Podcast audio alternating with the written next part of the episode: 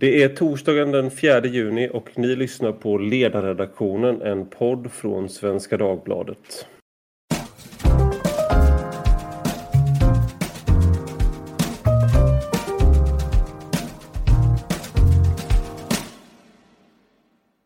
Och idag ska vi prata om, ja vad ska vi prata om? Black Lives Matter är väl det grundläggande temat. Och det började med att en svart man, George Floyd, dog under ett polisingripande i USA. Och detta har lett till, det var en polis som satt med eh, sitt knä på hans nacke och eh, han sa att han inte kunde andas.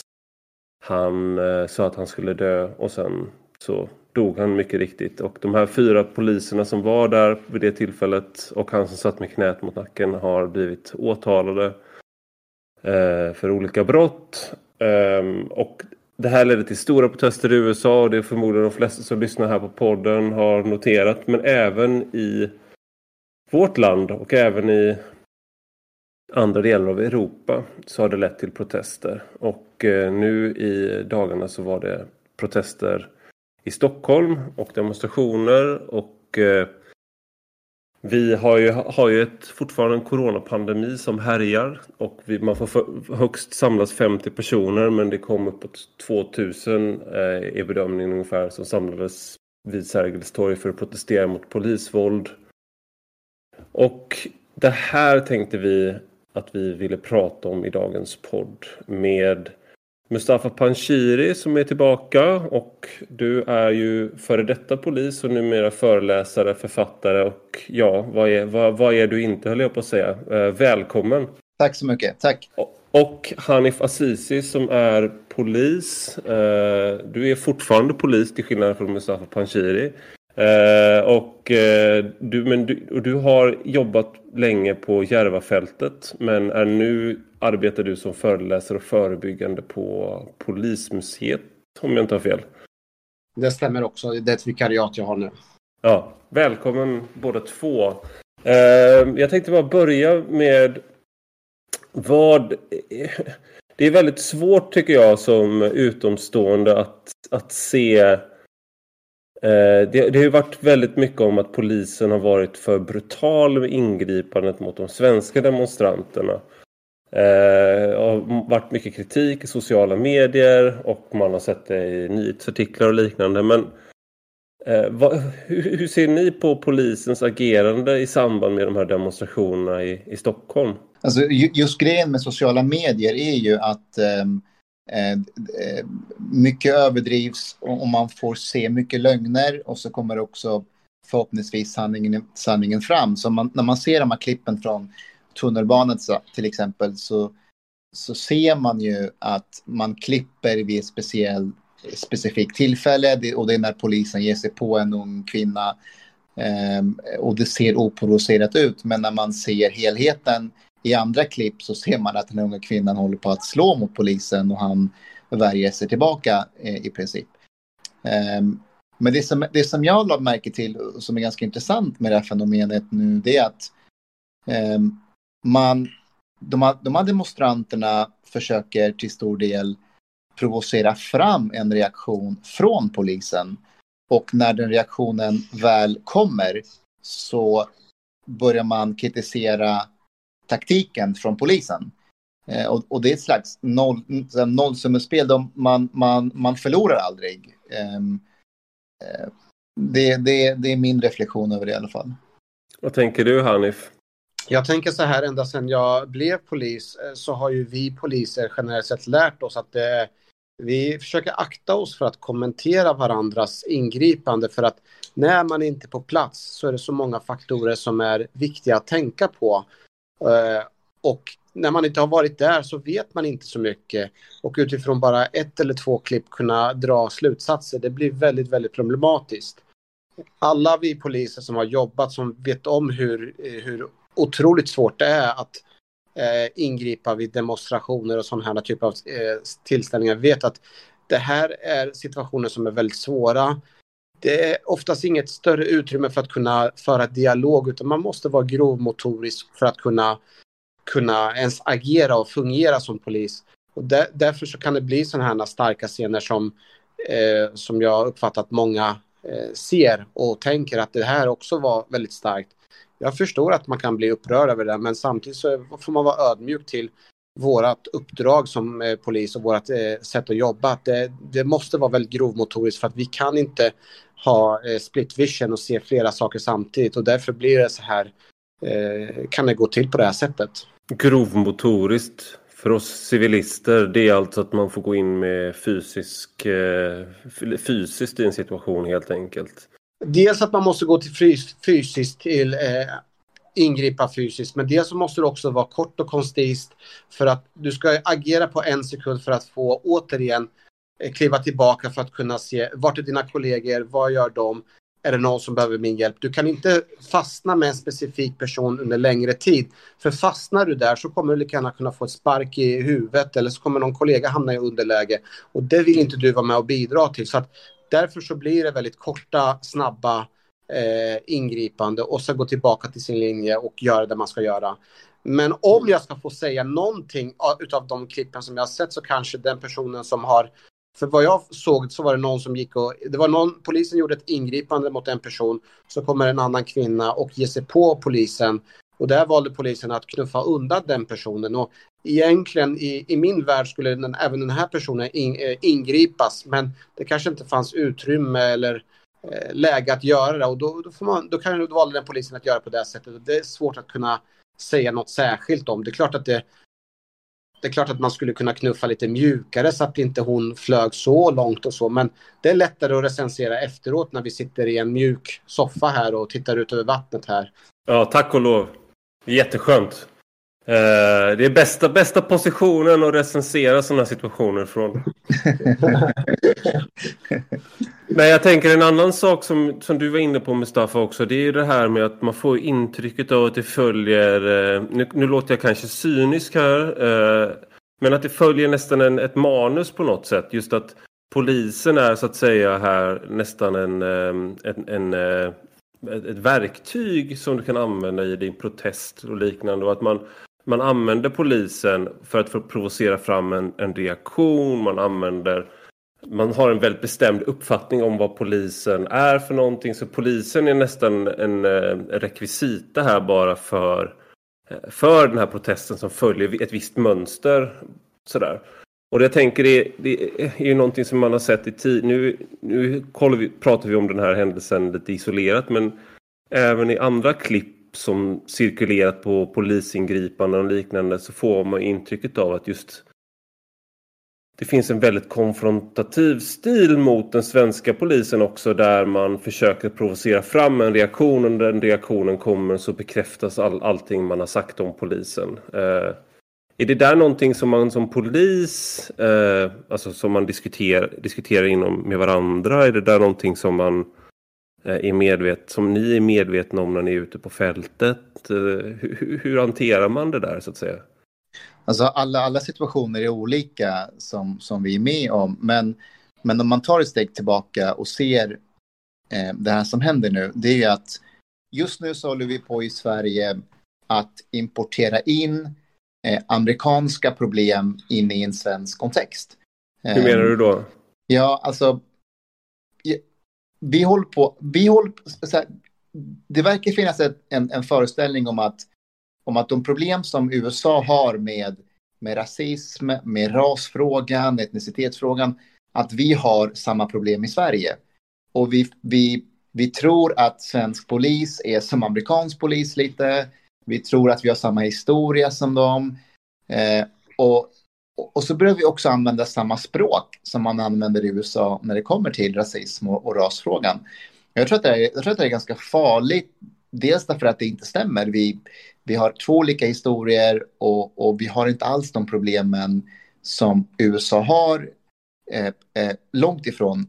Så jag är orolig för att man, att invandrare i Sverige får för sig att, att, vi, att vi är som att vi har samma situation som svarta har haft i USA och har idag. Eh, och börja använda det här språket med vita privilegier och, och vithetsnorm och att man ska gå ner på knä och, och be om ursäkt och, och att man har någon arvsynd för att man är vit. jag tror att det är ganska farligt eh, och, och, och jag hoppas att vi, att vi är medvetna om det och, och, och backar ifrån det.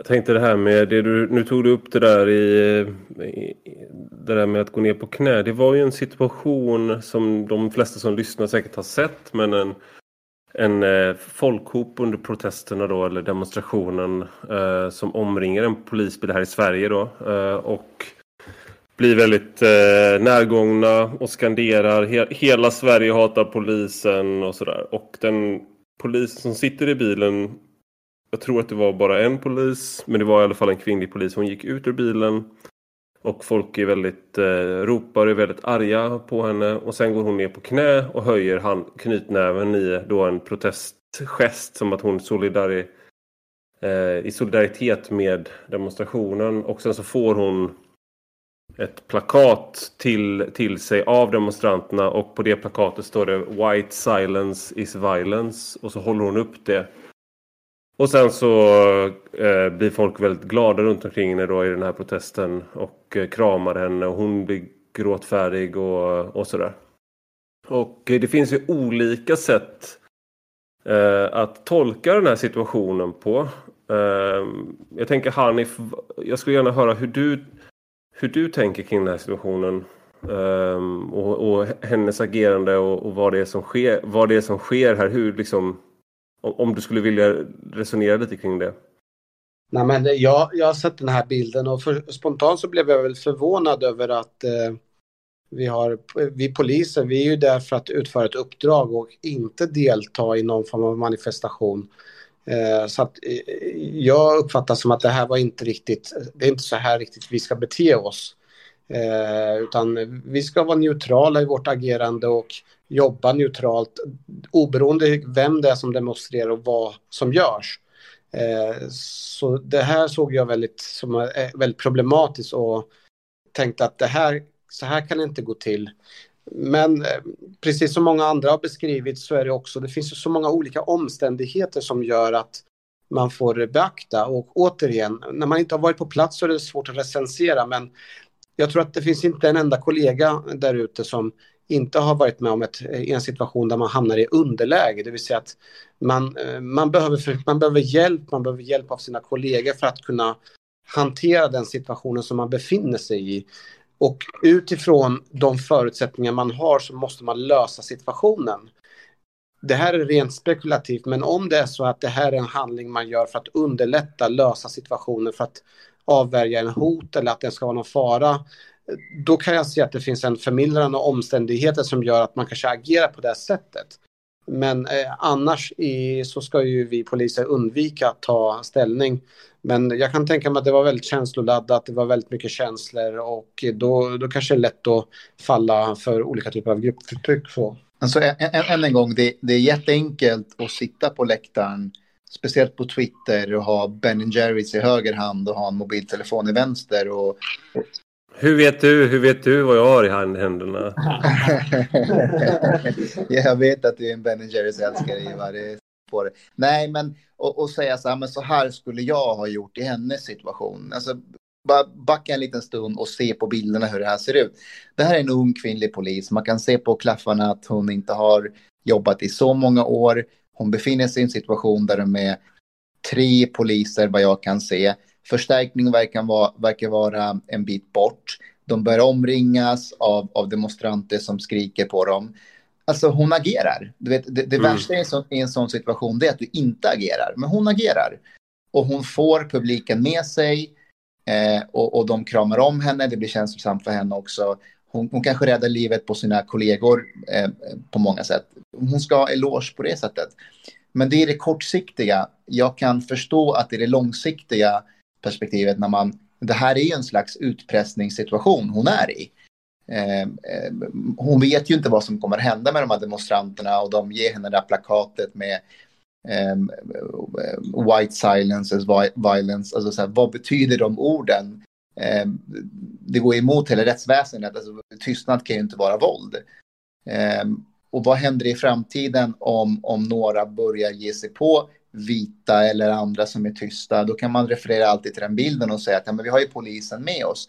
Jag förstår att i det långa loppet så är det här problematiskt, men det är lätt att sitta på läktaren och, och kritisera den här unga polisen. Och tyvärr har det här blivit en politisk fråga. Jag såg att Jonas Sjöstedt var ute och sa att hon var hen, eh, hans favoritpolis.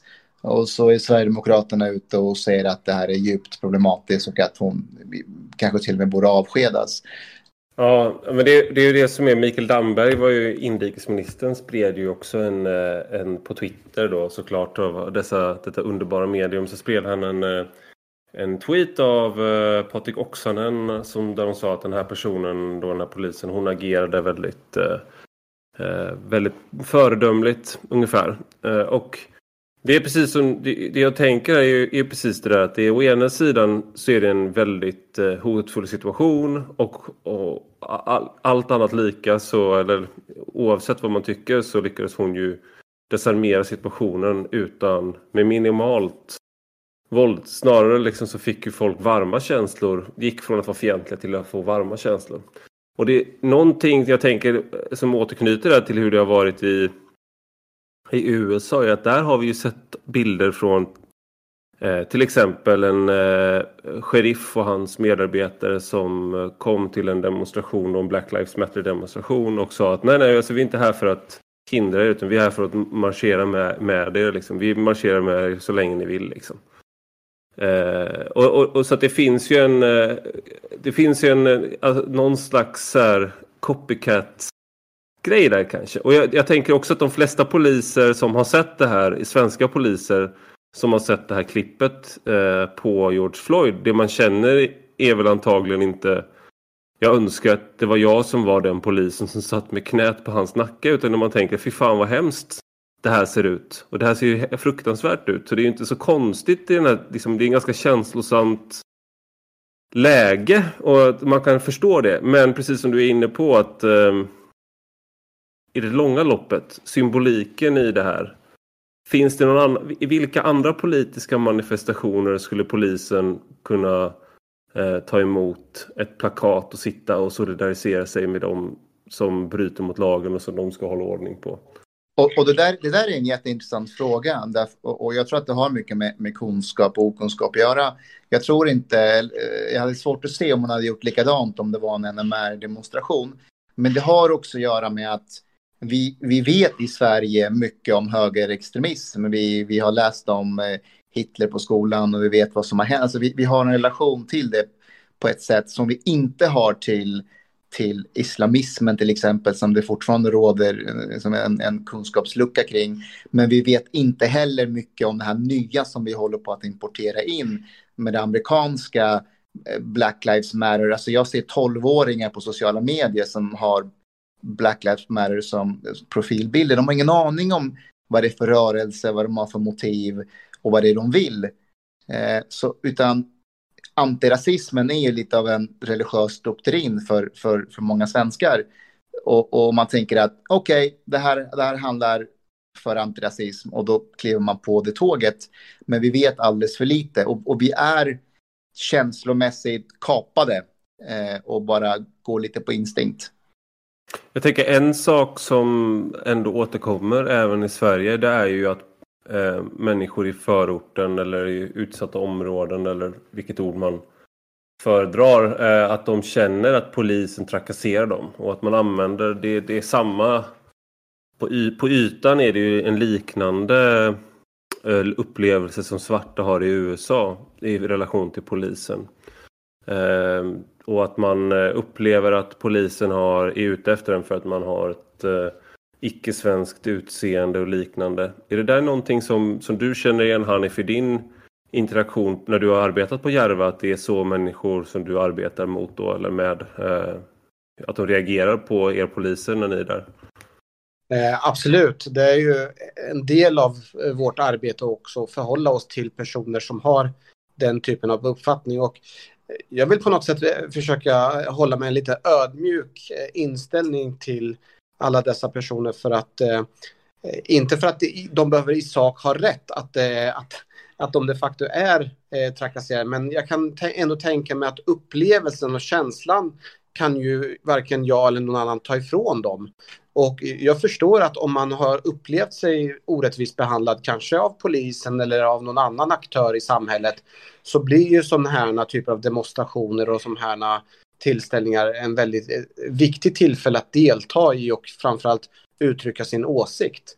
Eh, och det, det, har, det är jag väldigt så här, ja men det, det är inga konstigheter, det är klart att de ska få göra det. Eh, men i helhet, i, skulle jag skulle säga, i, i det stora är ju ändå majoriteten av eh, ungdomarna, majoriteten av befolkningen är ju inte några aktivister som går runt omkring och demonstrerar, utan de, de känner ju ett väldigt starkt förtroende för, för polisen i helhet, men även vårt arbete i förorterna. Så det är ju oftast enskilda aktörer som bedriver en aktivistisk kamp.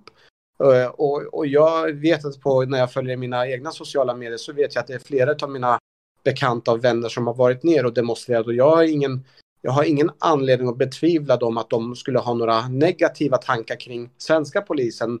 Men det dyker ju in personer hipp som happ i de här demonstrationerna för att på något sätt vilja sabotera och gå ut med sina egna skyltar där de tycker att polisen är på C och polisen är på det andra sättet. Men här tänker jag också att vi polisen är så pass professionella så att vi kan vara ödmjuka över vilka som har en riktig, alltså där de verkligen det, att det finns människor som genuint bryr sig om de här frågorna och kunna skilja på de som är aktivistiska som vi egentligen vill sabotera och, och förstöra för alla andra. Så jag tycker att den här debatten blir lite skevt och även när vi diskuterar så kan vi få en konstig vinkel för att många är ju bara där för att genuint sympatisera med det som har skett i USA och en struktur som de själva tycks känna igen. Eh, det måste vi få med i den här så att det inte framstår att alla är bara dumma i huvudet som var där och gjorde det de gjorde. Eh, man ska följa polisens rekommendationer och regeringens rekommendationer. Utöver det så tycker jag att man kan vara aktivistisk på alla håll och kanter. Eller vad säger du Mustafa? Det låter, låter väldigt svenskt. följ, följ instruktioner från, från regeringen och Folkhälsomyndigheten. Jag tror också att det är mm, en... Eh, det finns ju den här eh, känslan av att eh, i förorten, Peter, Peter Esaiasson skrev en bok om, om förorten där han hade, han är statsvetare i Göteborg och han har varit intervjuat väldigt många människor Eh, ansikte mot ansikte varit hemma hos dem och pratat med dem. Människor som aldrig kommer, eh, som är med i empirisk forskning nästan för att de är väldigt svåra att nå. Och, och, nu har han gjort det och då hittar man han en stor grupp.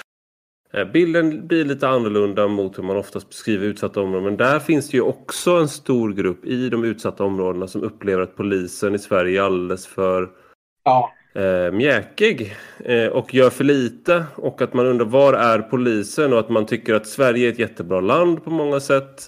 är så här, ah, det här är han som sammanfattar eh, liksom en, eh, den här gruppen. Då. Men Sverige är ett väldigt bra land. Man har stort förtroende för svenska myndigheter. Men man tycker att ofta att det egna hemlandet har eh, mycket bättre polis. Eh, I bemärkelsen att man var mycket mer proaktiv och inte var rädd för att gå in. Men att man upplever att polisen är, är rädd för det. Och jag, jag tänker, det är ju...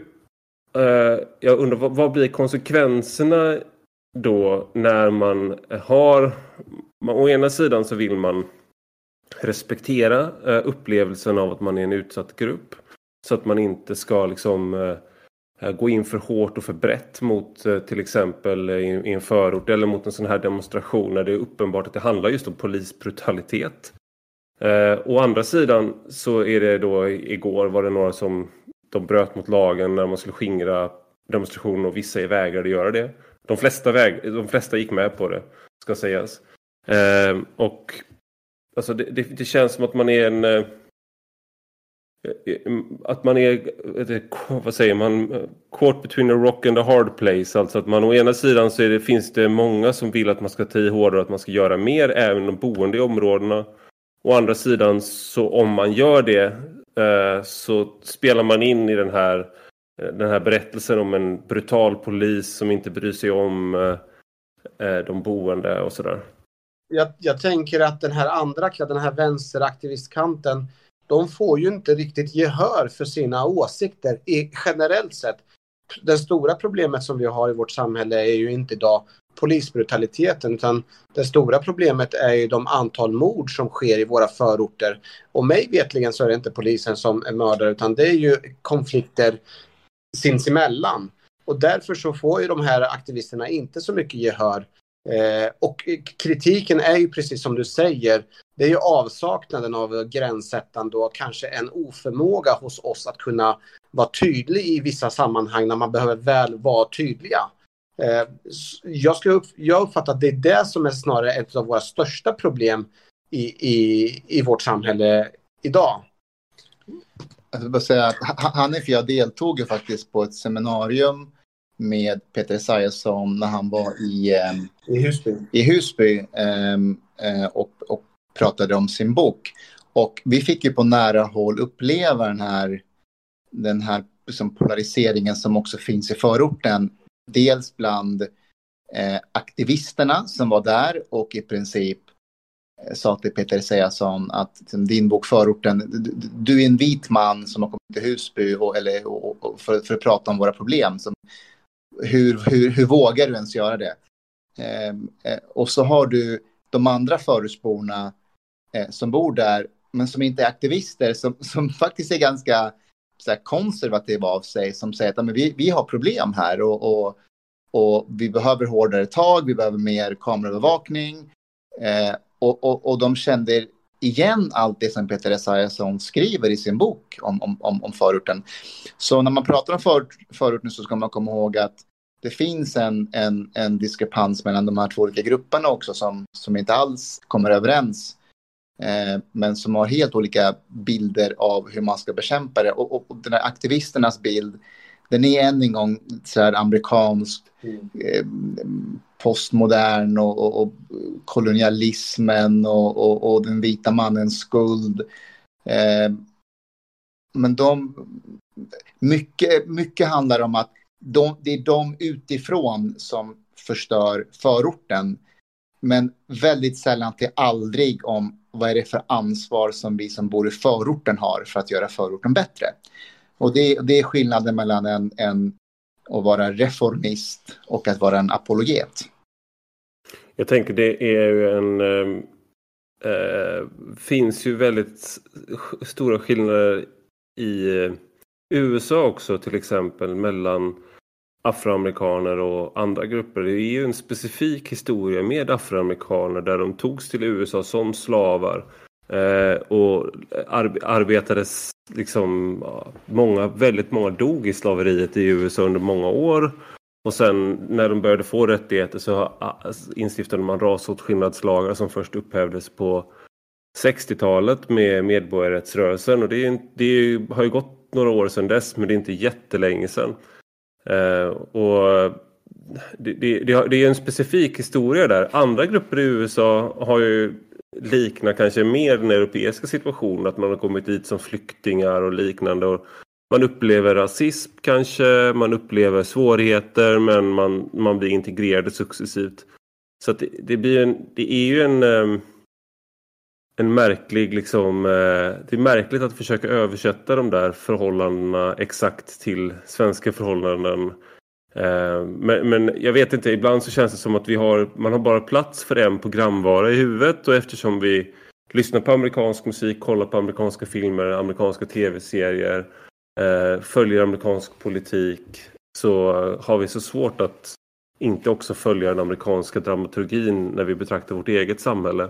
Mm. Vi, vi, vi är ju besatta av, av USA. Alltså, förr, var det, förr var det högern som var besatta, nu är det mer vänstern som, är, som, som, som vill importera in mycket av deras analyser och policies hit. Eh, och, och än en gång, jag, jag är rädd att om, om, vi, om vi öppnar den här boxen så kommer det bli ganska svårt att stänga igen den. Och det kommer inte komma så mycket gott ur den. Ja, jag, jag tänker lite grann så här att även om inte vi har, eh, vi har ju inte alls samma historia som i USA.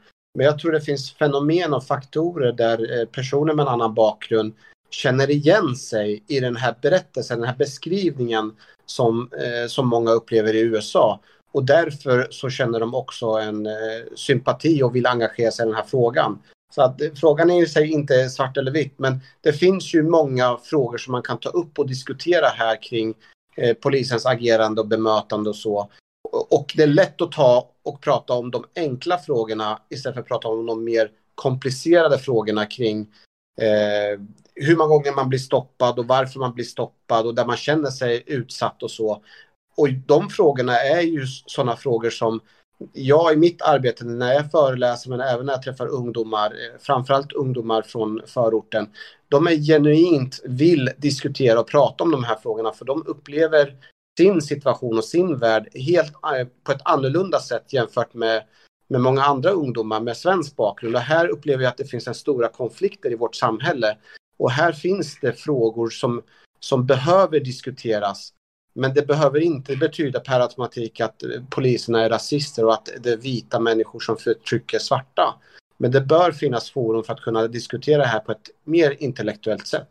Det jag tänker, e- en sån där sak som jag tänkt på är ju att man eh, eh jag menar, när jag växte upp så var det ju väldigt många som hade dåliga erfarenheter av polisen. Det var ju inte man blev, man blev jagad av civilpolis när man skulle dricka sina första öl och sånt där för man var minderårig.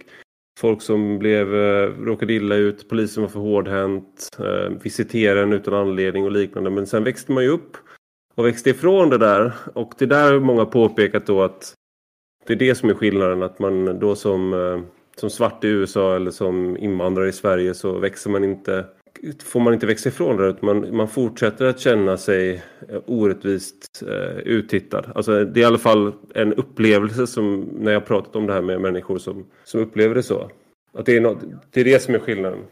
Jag kan ju bara dra egna erfarenheter men även mina vänner, alla runt omkring att då och då så är man med om interaktioner där man upplever sig att man har blivit annorlunda behandlad och ofta så vet man inte varför man blev eh, annorlunda behandlad. Var det någonting jag gjorde eller var det den här personen som jag mötte dum i huvudet?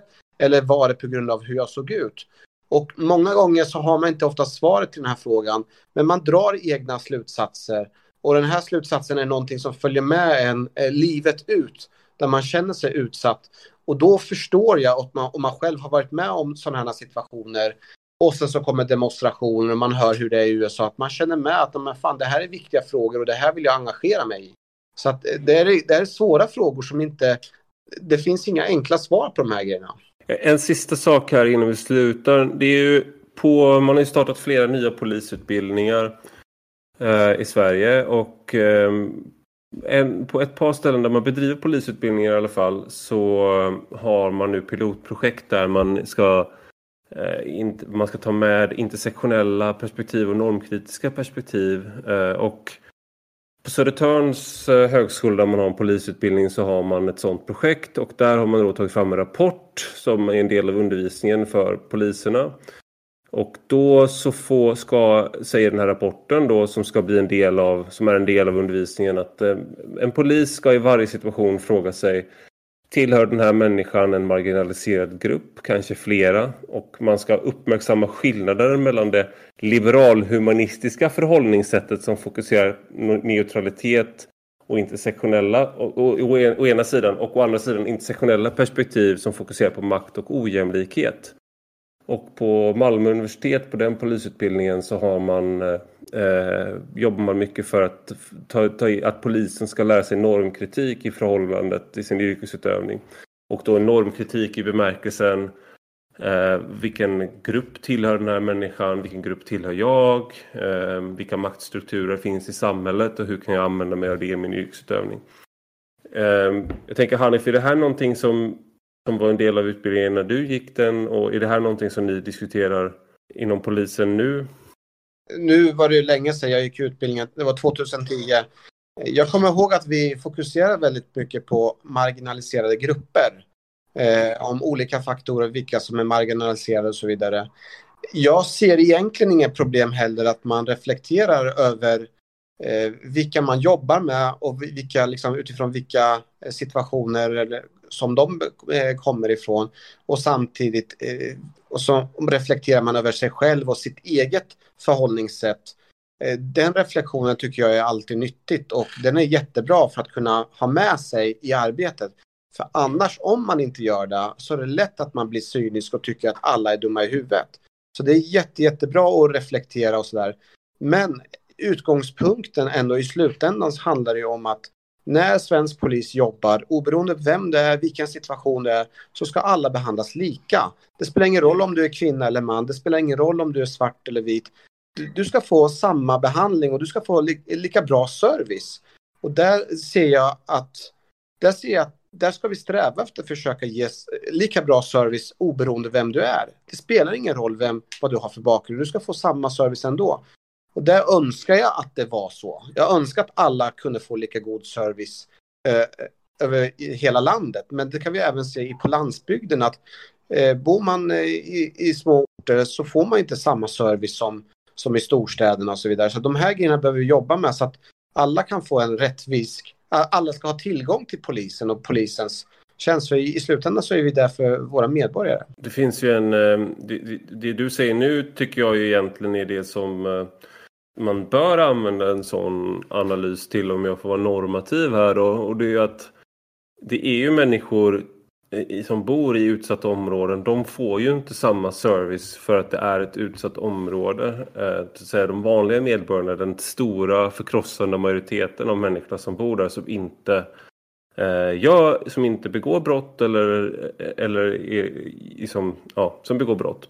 Utan om man då har en sån analys att man tänker att det här är ett sånt område då borde man kanske snarare eh, satsa mer på att försöka eh, göra det. Men det, det, att ge dem samma, eh, samma behandling. Men det jag tänker att de här perspektiven ofta kommer in på är ju att du är liksom i den direkta kontakten med en medborgare som polis ska inte vara neutral. Och det är det som jag tror är eh, det tror jag är farligt om det är så det tolkas. Och det är, det det intrycket man kan få när man läser de här eh, rapporterna som har tagits fram.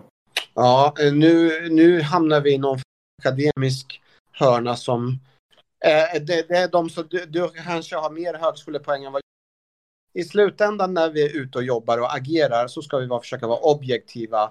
Vi ska vara objektiva i när vi håller förhör i olika situationer kunna ta Eh, flera sidor, beakta flera sidor och inte eh, skapa olika för, liksom, föreställningar hur grupp, olika grupper har det. För det vet vi ingenting om. Alltså jag, jag, jag tror att Ivar är inne på något intressant för det är aldrig fel med kunskap. Alltså ju, mer, ju mer vi vet om, om människor med olika kulturer och olika omständigheter de har varit med om, ju, ju, ju, bättre är det. Men frågan är vad utfallet blir av den sortens utbildning. Alltså om, om utfallet blir att vi, att polisen passiviseras när man hamnar i en sån situation och börjar tänka alldeles för mycket eh, och, och, inte agerar men också behandlar folk olika på ett sätt som inte gynnar samhället på, på ett lång sikt, då är, vi på, då är det ett slutande plan. Utan vi ska ha så mycket kunskap som möjligt om, om olika människor, men vi ska i slutändan behandla alla lika. Det, det, det, det måste vara det, det, det slutgiltiga utfallet och målet.